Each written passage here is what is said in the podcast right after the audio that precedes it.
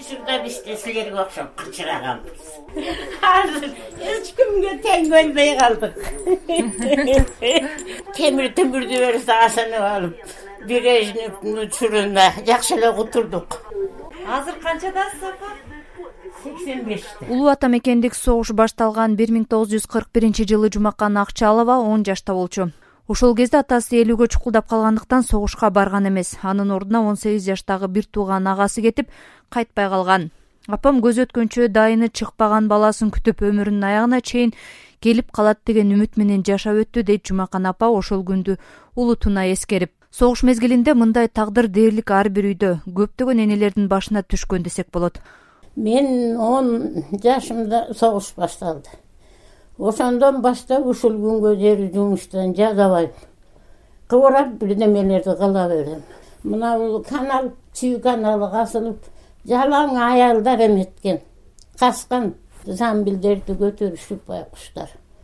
Биз ошол айылга жакын турабыз да бир үч километр. Түшкүсүн апам тамак жасап берет эми кайсы тамак? Айран жарма ошону көтөрүп үч километр каналдын боюнда мына кондо чалбанын айылынанмын мен ошол жака ташып барып берчүбүз ойноп. Кайра чуркап келчүбүз йтип ошондо аялдар чарчадык деле дебейиштечү да? Чарчадык дебей колу менен казып колу менен замбилдерди көтөрүшүп эки экиден болушуп чүй каналын тим эле асап менен казышкан анда биз бала кезек район облус дегенди да билчү эмеспиз да ошол жактан деле алып келчү да аялдарды.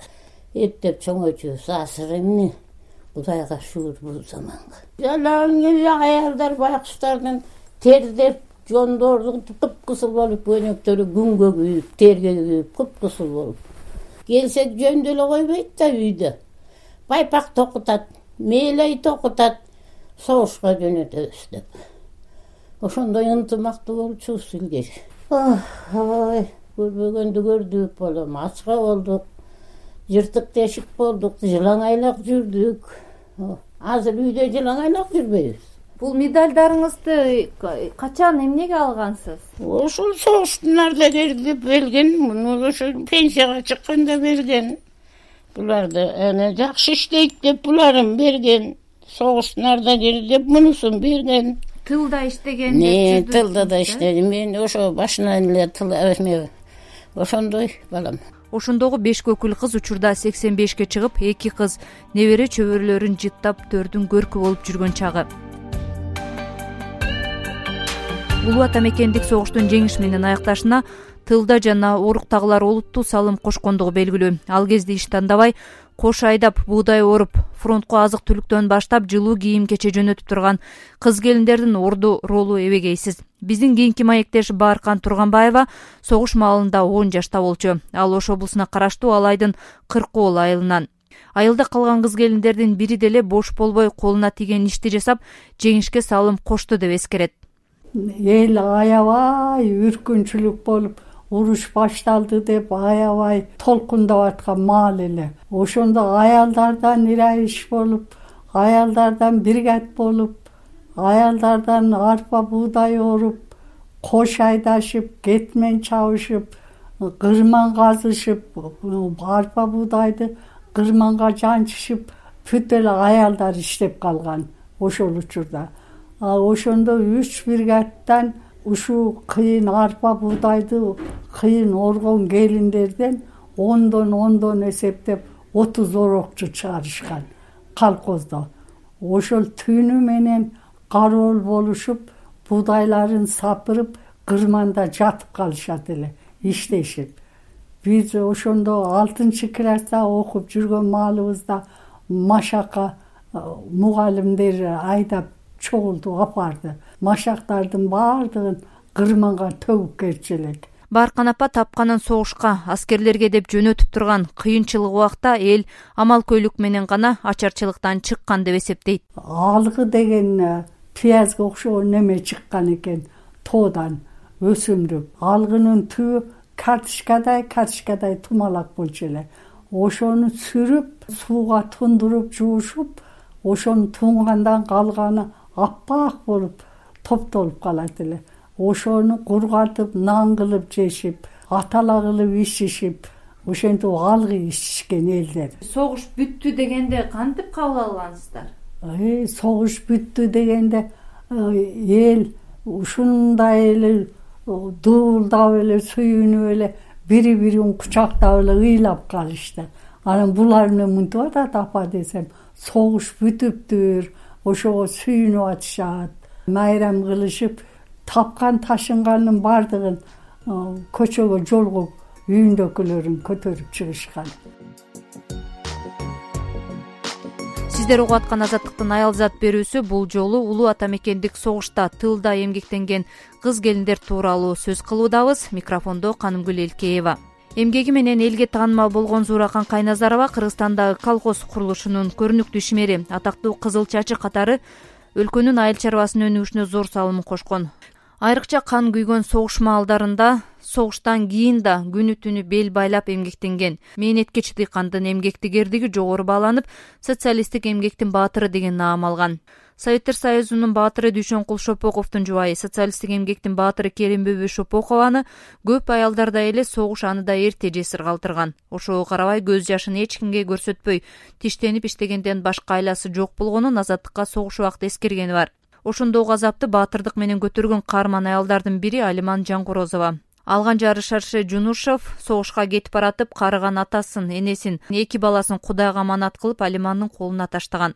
Мына ушул өңдүү ар бир айылдын өзүнүн зуураканы керимбүбүсү болгон десе да туура болчудай. Нарындагы кабарчыбыз мирлан кадыров согуш маалындагы тылда оруктагы энелерди кепке тартты. Кыйынчылык турмушту сурасаң токсон үч жылдын ичинде мен төрт которулуш көрдүм. Токсон үч жаштагы батый апа мен көрбөгөн турмуштун оор күнү калган жок деп баштады өзүнүн эскерүүсүн. Он жети жашында турмушка чыгып баш кошкондоруна жыл айланбай күйөөсү согушка аттанат. Ошентип батый апа кайындарынын колунда калат. Согуш маалында айылда эм чайым болуп иштеп согуштан жарадар болгондорду дарылап жардам берип жүргөндүгүн айтат. Биринчи кулак деген чыккан менин беш жашымда.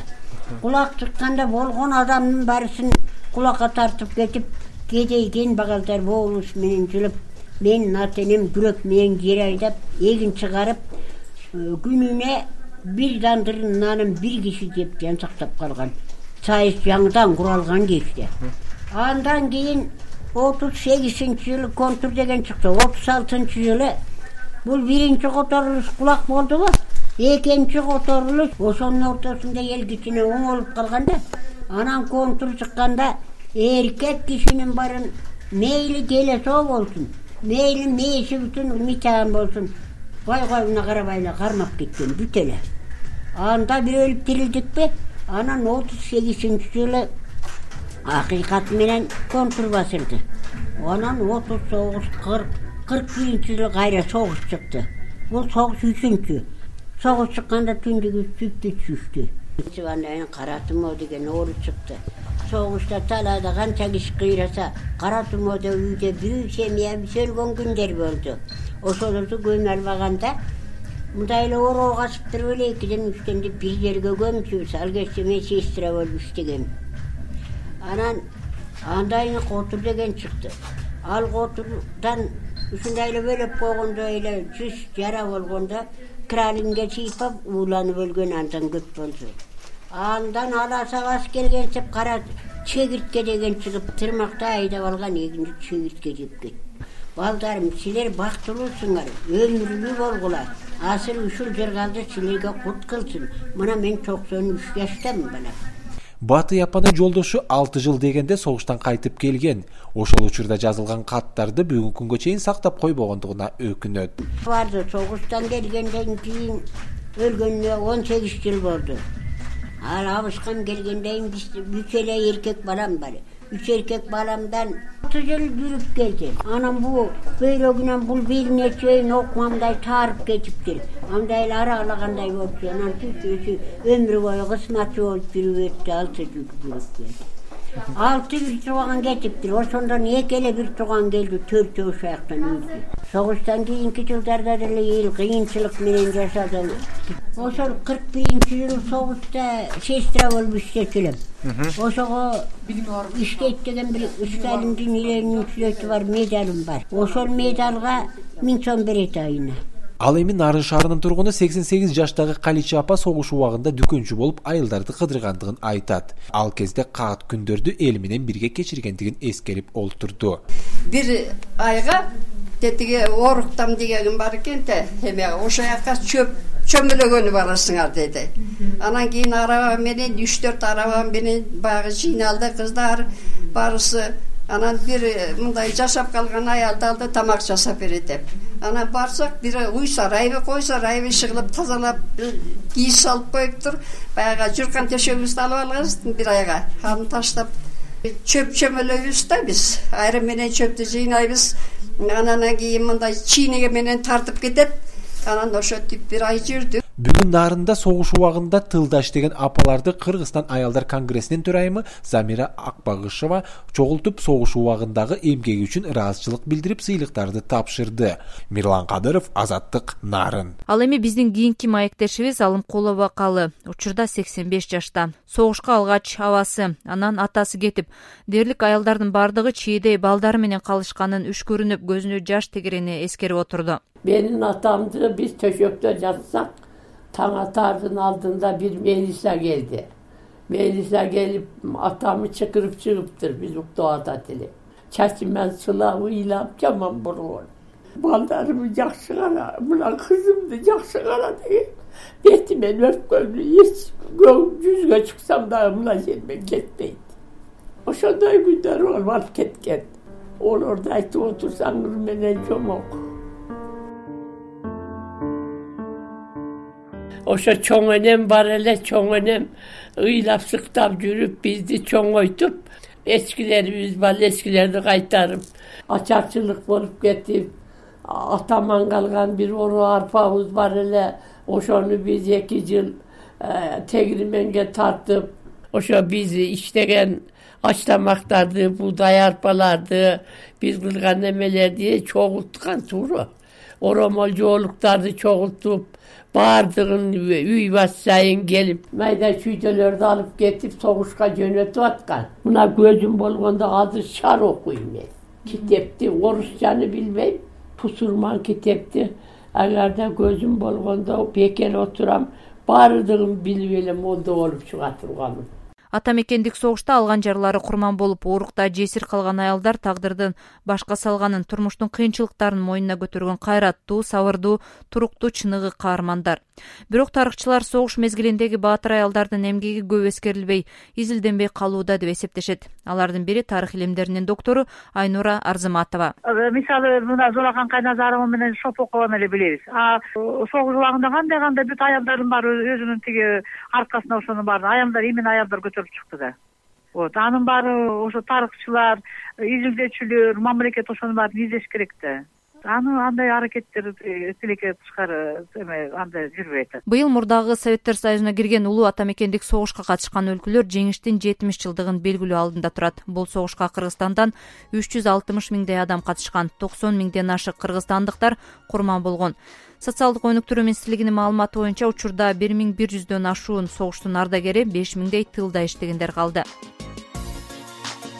асылып калды балдарга аялдар калды чалдарга.